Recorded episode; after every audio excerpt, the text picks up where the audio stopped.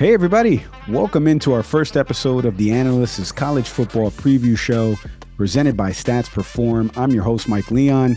In addition to hosting this new series here on our YouTube channel, I'm also the director of U.S. Media Products and Strategy at Stats Perform.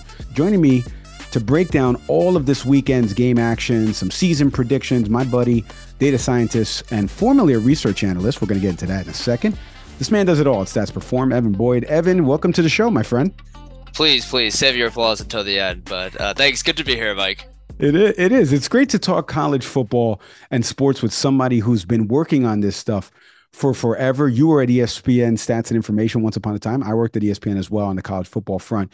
We'll get into that later on. But uh, right away, let's get into the college football preview part of this. Um, last week was week zero. For those of you unfamiliar with the terminology, a couple different games that happened. Nothing crazy. Obviously, Nebraska again blowing another big lead in the Scott Frost era. Uh, FSU and UNC winning some games against FCS foes. Uh, big matchups happening this week, which is truly week one. Evan, just real quick, high level, what were some things in week zero that kind of stood out to you? Well, first off, it was just so great to have college football back. Am I right? It's been way too long, and even if we had some of the teams that might not be uh, seen regularly on a national level be playing, it was still wonderful to see some of the highlights and some of the uh, excitement that we might see heading into this season. So I, have to start with that Nebraska and Northwestern game all the way in Dublin. Um, and even though Nebraska did kind of blow it, they had an onside kick while up 11, and Northwestern came back. All in all, it was a really great game game, and it really showcased how good the Big Ten might be, um, especially uh, possibly in the Big Ten West, where it's kind of a toss up right now between Wisconsin and a few other teams. So we'll see how that one goes in there. But, you know, I was watching everything from Western Kentucky to Austin Peay, um, from Vandy and Hawaii, which that game was a little bit discombobulated. You know, we saw a little bit of the talent of college football because, uh, I believe uh, Hawaii had two fumbles and both of those Vandy returned for a touchdown. So, you know, we are just getting into the swing of things right now. It's week zero, and then you know week one, we're still going to get some similar results, um, just like how we saw with week zero. You know, I remember seeing that Vandy score pop down, and I'm like, wow, that is a lot of points on the Vandy side. It, it got out of hand fast. Yeah, yeah, that's the talent disparity between the SEC and the Group of Five schools. Um, well, let's speaking of. Uh, the Power Five conferences. Let's get into some top 25 matchups because there's some pretty good matchups that are happening this Saturday in the college football season. The first one I want to get to, I live in the state of Florida. This is happening about five and a half hours north of me up in Gainesville. The Utah Utes last year had a fantastic season winning the Pac 12. We all know that crazy game against Ohio State that they ended up losing 48 to 45. Coach Whittingham's got a great squad lined up this year, and they're getting ready to head to Gainesville and play the Gators and Anthony Richardson and that squad.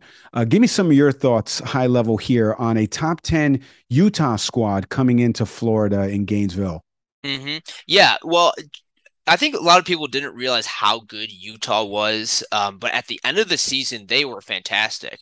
Um, from November to the conference championship game in December, Utah averaged 38.8 points and allowed just 30, 13.2. And as you mentioned, they had that fantastic game uh, in their first Rose Bowl trip ever to Ohio State. They were playing excellent football, before that, and that still was an even close uh, game. And the Utes are returning 17 starters, eight on offense, six on defense, and all three specialists. So they, I really think they're going to take their momentum from last season, even with a tough loss in the Rose Bowl, and really go into um, the Pac-12 strong. I think they're going to be favorites to win the Pac-12, and we might even see them back in the Rose Bowl or even a playoff appearance. That might be very interesting. Uh, Tracer, uh, college, uh, stats perform is just uh, college football metric that's called team uh, rating based off of um, conference and their roster. Uh, really likes Utah. They have them at the 10th best team and a 41% chance of winning the conference. It would not surprise me to see them in the Rose Bowl game yet again. But um, I really like them over Florida in this matchup. Um, I still have some questions about Florida. Billy Napier really wants this game to be kind of the return of Florida football football. And a win in front of a sellout crowd would really spice things up. Um, but I don't think they have the talent yet to knock off the Utes. The Utes are returning a lot. They have a really good secondary. And I'm not sure how much Anthony Richardson can do against a veteran secondary but Napier has spoken highly of them, so we'll see. But even though this game will be played in Florida, I still like the Utes traveling all the way there and getting a win over an SEC team uh, in week one. You know, I'm with you on that front, uh, only because my sister went to Florida. Uh, so I will root for anybody that plays against the Gators. I'm just kidding, Gator fans. Uh, but I, you know, but in all seriousness, one thing you got to be able to do on the road is run the ball, right? And Tavion Thomas is coming back for the Utes. He's a fantastic running back. If you saw a lot of what happened last year with Cameron Rising and Tavion Thomas, Thomas, excuse me, in, that game against Ohio State. Uh, one stat I did want to give you, uh, courtesy of Pressbox Live here, Florida on on the Florida front, right? Playing a game in the swamp. Uh, Florida's won four straight season openers coming into this year's game. Now they have not played a big school from a Power Five conference, a big school. I'm talking like a top ten team like Utah in a while. And then Florida owns the longest active season opening home win streak in the FBS, 32 since mm. 1990. So an interesting stat there as a top 10 team heads to the swamp on Saturday. We will be watching that matchup. One other matchup that we'll be watching, and a lot of people are Irish fans out there across uh, different, if you went to Notre Dame or if you just root for Notre Dame growing up, they take on the Buckeyes. A huge game between Notre Dame and Ohio State Saturday night. Uh, give me some of your impressions on the Fighting Irish and Notre Dame. Obviously, Brian Kelly has left to go to LSU now. So a new regime up uh, up in South Bend, Indiana. What are some of your early takeaways uh, about this game and things that people should be watching for? Yeah, I love this matchup. I've followed both teams really closely, being a Big Ten fan and having all my uncles go to Notre Dame, so I have them in my ear all the time. But this it really is the year of Marcus Freeman, right? He's never done a game like Ohio State before. They lost to Oklahoma State last year in the Fiesta Bowl, but that was a close game. It was uh, definitely something that um, you know he had a lot to deal with with Brian Kelly's team. Now he has his own team, so um, they're kind of depleted and starting new. They, Jack Coan is gone. Uh, right now, Tyler Buchner's at the helm but they really have a lot of good uh, talent there. Then we'll see if they are still healthy, though, because Jarrett Patterson might not be able to play. He's a preseason All American on the offensive line. Avery Davis, their top receiver, he's gone yet again with yet another ACL tear. So that's a huge blo- loss uh, for the wide receiver corps. Um, they're really high on a guy named Tobias Merriweather, who's a freshman coming in out from the West Coast. Um, but he's a freshman. No, maybe he'll be a surprise. We will just only time will tell. We'll have to see. You know, there's a little unfamiliar between between Notre Dame and Ohio State. They've played only once uh, within the last 15 years, but not necessarily because Ohio State, whose questions, if any, last year were on defense, just hired a new defensive coordinator in uh, Jim Knowles. Sorry, excuse me, in Jim Knowles. And uh, where was he before? He was at Oklahoma State, who Notre Dame just played in the Fiesta Bowl. So there's a little bit of uh, confidence there. Maybe he'll be uh, using some tricks that he pulled up in the Fiesta Bowl, and maybe Notre Dame will be able to read that well. But despite how good Notre Dame is, being you know number five in the AP poll and being very good in Stats Perform's Tracer, this is Ohio State. There's three teams this year that are giants. It's Ohio State, Georgia, and Alabama, and those three teams separate every from everyone else in the pack. Yeah. They lost Garrett Wilson. They lost Chris Olave to the first round of the NFL draft, and yet they still have this incredibly good offense. Would not surprise me if CJ Stroud wins the Heisman this year. I think he's going to at least be a candidate. I also think that his number one wide receiver, Jackson Smith-Njigba, might also be a Heisman favorite candidate because he was actually better numer- uh, numbers wise than Chris Olave or Garrett Wilson. So if we don't give it a Stroud, I could see the Heisman going for a wide receiver like they did um, with uh, DeVonta Smith, excuse me, um, in if as a Heisman candidate. Um, We'll, we'll see though. Uh, it should be really interesting because they have a dynamic offense. The questions last year were defense. You know, the two losses they had, uh, Ohio State last year, were Oregon at home, as well as Michigan, of course. And Oregon and Michigan jammed the ball up the middle so much, and they kept the possession going. They both got over 200 rushing yards in that game against the Buckeyes. That might be what Notre Dame needs to, to do just jam it up the middle because we don't know what Ohio State might be able to offer. Now, I think it's a little bit too much, but hey, it's week one. So I think the Buckeyes will win, but I don't think they're going to win by 17 and a half points, which is what we have uh, odds have them as favorites. Yeah. Yeah. One thing I was going to say on, on, the Ohio State front, you know, that loss last year, obviously with Michigan, snow played a factor in that game. If you remember watching yeah. uh, that matchup uh, in, in, week two when they lost to Oregon, obviously, whether or not a factor. Uh, custom insights here I wanted to give you on the Notre Dame front presented by Pressbox Live, our new tool that's being utilized by teams, leagues, and broadcasters. Go to statsperform.com to see how this tool can help you augment your game day coverage. Uh, the Irish have scored at least 28 points in eight consecutive games. This is according to our Custom Insights team from this report. The only longer streak that they've had in the past 40 years was a run of nine straight games with 28 plus points in 2005. And by the way, Notre Dame is 41 and 1. Speaking of rushing, when rushing for 100 plus yards since the start of the 28 season, 100 yards or more, 41 and 1. Every other FBS team has lost at least twice in that span when rushing for 100 yards or more. So, testing how the Ohio State front seven will handle running the ball will be a huge key in this game. I'm with you too. The line's a little too high for that matchup, but you know, at the shoe, you never know funny enough, we had Quincy Avery on, who's the quarterback trainer for a lot of NFL and college quarterbacks, CJ Stroud, amongst those. He talked about on our Check the Stats program how good he thinks CJ will be going forward, not only as a Buckeye, but to the NFL game. Uh, let's stay with uh, another SEC school we were talking about earlier. You mentioned Alabama and Georgia and how Ohio State is, those are really the three big boys. Well, there's a huge matchup happening in the SEC against uh, a group of five school. Well, soon will be a Power Five school as Cincinnati's transitioning to the Big 12. Cincy and Arkansas in a matchup of ranked foes. Give me some of your takeaways. We all saw Cincinnati last year in the college football playoff. Obviously, their quarterback went on now to the Atlanta Falcons. They've lost some talent from that team. Uh, Arkansas getting ready to hopefully stake some ground in the SEC West here. Uh, give me some of your thoughts on that top 25 matchup this matchup might be the most interesting all season, but definitely in week one. I see this as a team that was really on the high and is now coming and declining a little bit, and versus a team that started low and is coming in really high. With Cincinnati, obviously they made the playoff last year, and I still think they are a really solid team, especially with an easy schedule in the American Athletic. But I don't see them beating an Arkansas team that is really on the rise. Cincinnati, you said it. no more Desmond Ridder. No more Sauce Gardner. No more Coby Bryant. A huge blow to the offense and huge blows to the secondary. All five starters, though, on the offensive line that at least played in the Cotton Bowl are back this season. So that does give them a little hope. So perhaps maybe they can run the ball a little bit more. I'm not sure. We'll have to see. They have also uh, tight end duo uh, Josh Whyle and Leonard Taylor. Both of them are back. Desmond Ridder loved using those those two. Um, and I'm not sure if, you know, we're going to see that again this season. Time will tell they do have big names in smaller positions and you know lesser no names in bigger positions. So I don't think they'll be back in the playoff this year, but I do think they could be a 10 win team especially with their uh, easy conference yet again.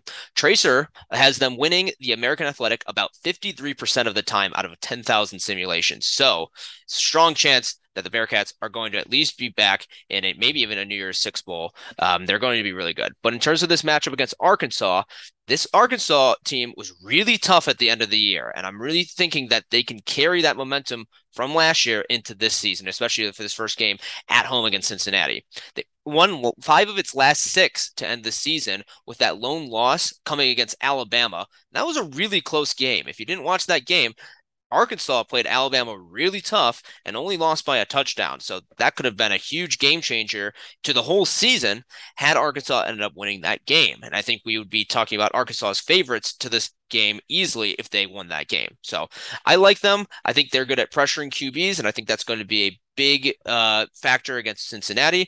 Defense is okay, but their pass defense can really uh, turn it up. And I think they will have the advantage at home against Cincinnati in this one.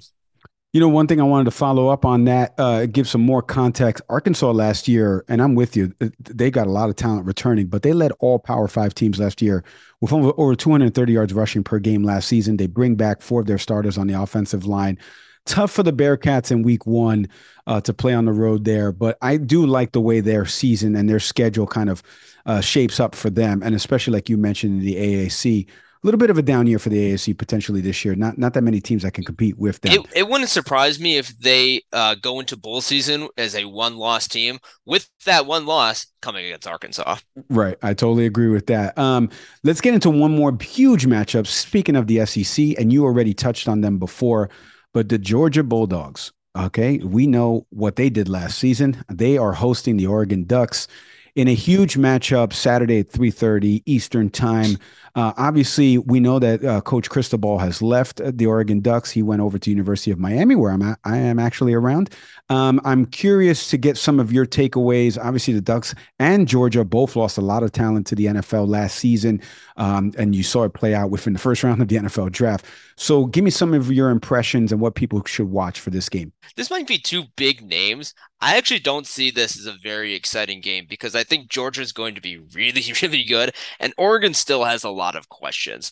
Georgia as, is actually the number one team in Tracer. I know a lot of people like Alabama, but we like Georgia with that fantastic defense coming into it, and a lot of the offense kind of remains the same. So um, they just have a little bit um, of a uh, tougher time maybe going in compared to all the recruits that Ohio State and Alabama got, but we really like Georgia. And something about Georgia is that they have a really easy schedule this year. They don't have to play Alabama. They really don't have to play that much. They don't have to play Kentucky. That might be a little bit of a challenge, but we have them with a 38% chance of winning out going into uh, the SEC championship game. So they could really have a, a really good chance of being undefeated going into the SEC championship game, which I think would be huge. So, and as well as a 58% chance of even winning the conference and a, a 92% chance of winning their division, in the SEC. So, I think they're really talented, and I think they are one of those three teams that are going to be giants that are going to steamroll a lot of teams.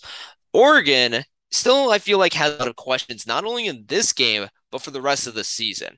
They have Bo Nix this year, and that's on everyone's minds. Recall that in his first career game, it was actually against the Ducks back in 2019, and he had a last minute touchdown to win it for the Tigers. So I think a lot of Ducks fans are going to remember that.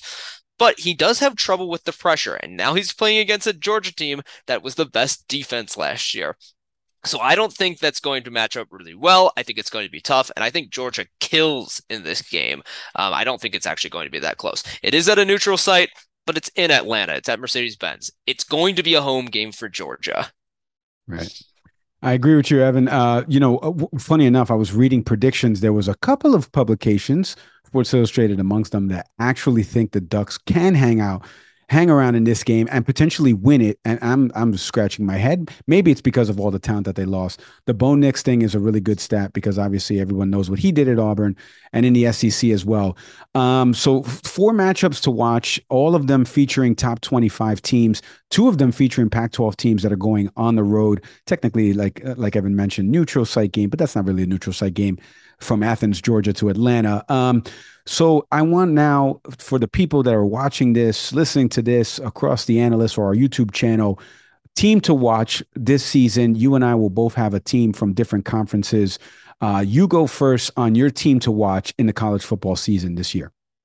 Well, Mike, this might be my first time doing this, but this is my uh, good chance to declare that I am a champion for the mid majors, especially in college basketball, but in college football, especially. I love it when a mid major team is good, possibly on the rise, and can really make an impact uh, towards the college football landscape.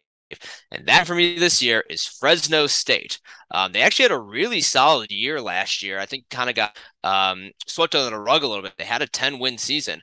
Jeff Tedford is back at the helm. He returns to his alma mater for actually a second stint. And when he first arrived, he took a team that went 1 and 11 to in 2016 to a 10 and 4 team in 2017 and then a 12 and 2 team in 2018. He had to step down because of health issues, but now is back. And now he inherits a 10 and 3 team instead of a 1 and 11 team. So I think the cards are all there for Fresno State. Jake Haener is back for his senior season. He was solid. Transfer from Washington, threw for over 4,000 yards last season with 33 touchdowns. He was just one of nine FBS players last year with to throw over 4,000 yards. And three of his top four receivers from last season are also back, including Jalen Cropper, whose 11 receiving TDs last season were tied for second in the conference. The path is a little bit more difficult, though. They have Oregon State uh, and then on the road to USC, which is going to be a tough game. But if they handle both of those games, I think we're going to be talking Fresno State as a top contender for the best mid major team in the country. And I think they will uh, have a chance to win the Mountain West, even though the Mountain West is a bit tougher this season. Um, so we'll see how they go. Tracer doesn't love their chances for a 10 win season again, but they do have a 37% chance to win their division and about 20% chance to win the Mountain West. A few key wins could make them a surprise candidate, I would say, um, to maybe even make a New Year's Six Bowl. We'll see. And on the AP Bowl, but they did receive some votes. And so I think they will be one team to really watch for, um, especially in these early months um, going into the season. That's a pretty good pick. Interesting. Obviously, on the NFL front, I root for a team that has two Bulldogs uh, manning the the helm in, in Derek Carr and Davante Adams for the Raiders, for those of you knowing uh, my fandom, and so this is a pretty good pick there. I like the Fresno State Bulldogs. Jeff Tedford, obviously formerly at Cal, uh, and they've always had some pretty good coaches as well. Pat Hill and a bunch of other folks yeah. that have run that program. I am going to stay with a Power Five school and one that's actually in the top twenty-five in NC State. Um, here's why I love NC State and what's happening in Raleigh. Uh, the first thing is I follow football recruiting. I'm a Jersey guy. I'm a Rutgers guy. Devin Leary's from the state of New Jersey, and I I know how good he has been. This is from our Pressbox Live tool and an insight from our research team. In 2021, Leary was just the third FBS quarterback in five years to have at least 35 touchdown passes and no more than five picks on the season. A lot of touchdowns, production, not turning the ball over. The only other two people that did that in college football, Justin Fields and Mac Jones. So he's in pretty good company right there. They know that they have somebody that can lead them down the down the field and and get a touchdown or get a score uh, as they're winding down the clock, or or even kill the the clock. You know, get a big third down conversion to keep the possession. I love their schedule as well. Six the first six games of the season, they only leave the state once, and it's to go to South Carolina to Clemson. So that matchup, which happens in Week Five, is going to be a huge one to watch. But they op- open up with Connecticut at they open up at East Carolina, excuse me, Charleston Southern, Texas Tech, and Connecticut at home. I think they'll go 4 0 in the non conference slate. Another stat and insight that came from our team on their opening matchup is obviously I mentioned they they play East Carolina. They have opened up every time they've played against an East Carolina team, they've beaten by at least 28 points in each of the last two meetings. So that bodes well for them to get off to a 4 0 start. And I don't see an L on their record unless they fall victim to you know uh, Death Valley, which could be a night game there. But the rest of their schedule kind of breaks easy for them, and they have a bunch of opportunities with Wake Forest at home. Uh, they only play at Syracuse, and then the final game of the season against their uh, rivals in North Carolina. I really look for them to potentially win their division, and they're going to get in the ACC championship game, maybe. Maybe not. Who knows? But this could be a very, very good team that's happening in Raleigh. So that's my team to watch this year uh, on the NC State Wolfpack. My thank yous to uh, to Evan Boyd, who is a data scientist here at Stats Perform. This guy knows everything, research and insights. You can check out his work on theanalyst.com. We'll be doing more of these college football look-ins uh, uh, over the next couple of weeks and months as we wind down the college football season and get ready uh, well, wind down. We're starting it up, and then we're going to wind it down, and we'll see who's going to win the Heisman. We're going to have you make a Heisman prediction too in our next episode. Thank you for tuning in to this episode, everybody. You can check out all of the custom insights and how Pressbox Live can help augment your game day coverage if you just go to statsperform.com, or if you want to read any of the work that Evan was talking about and the tracer model, you can check it out at theanalyst.com. So long for Evan and Mike. Take care.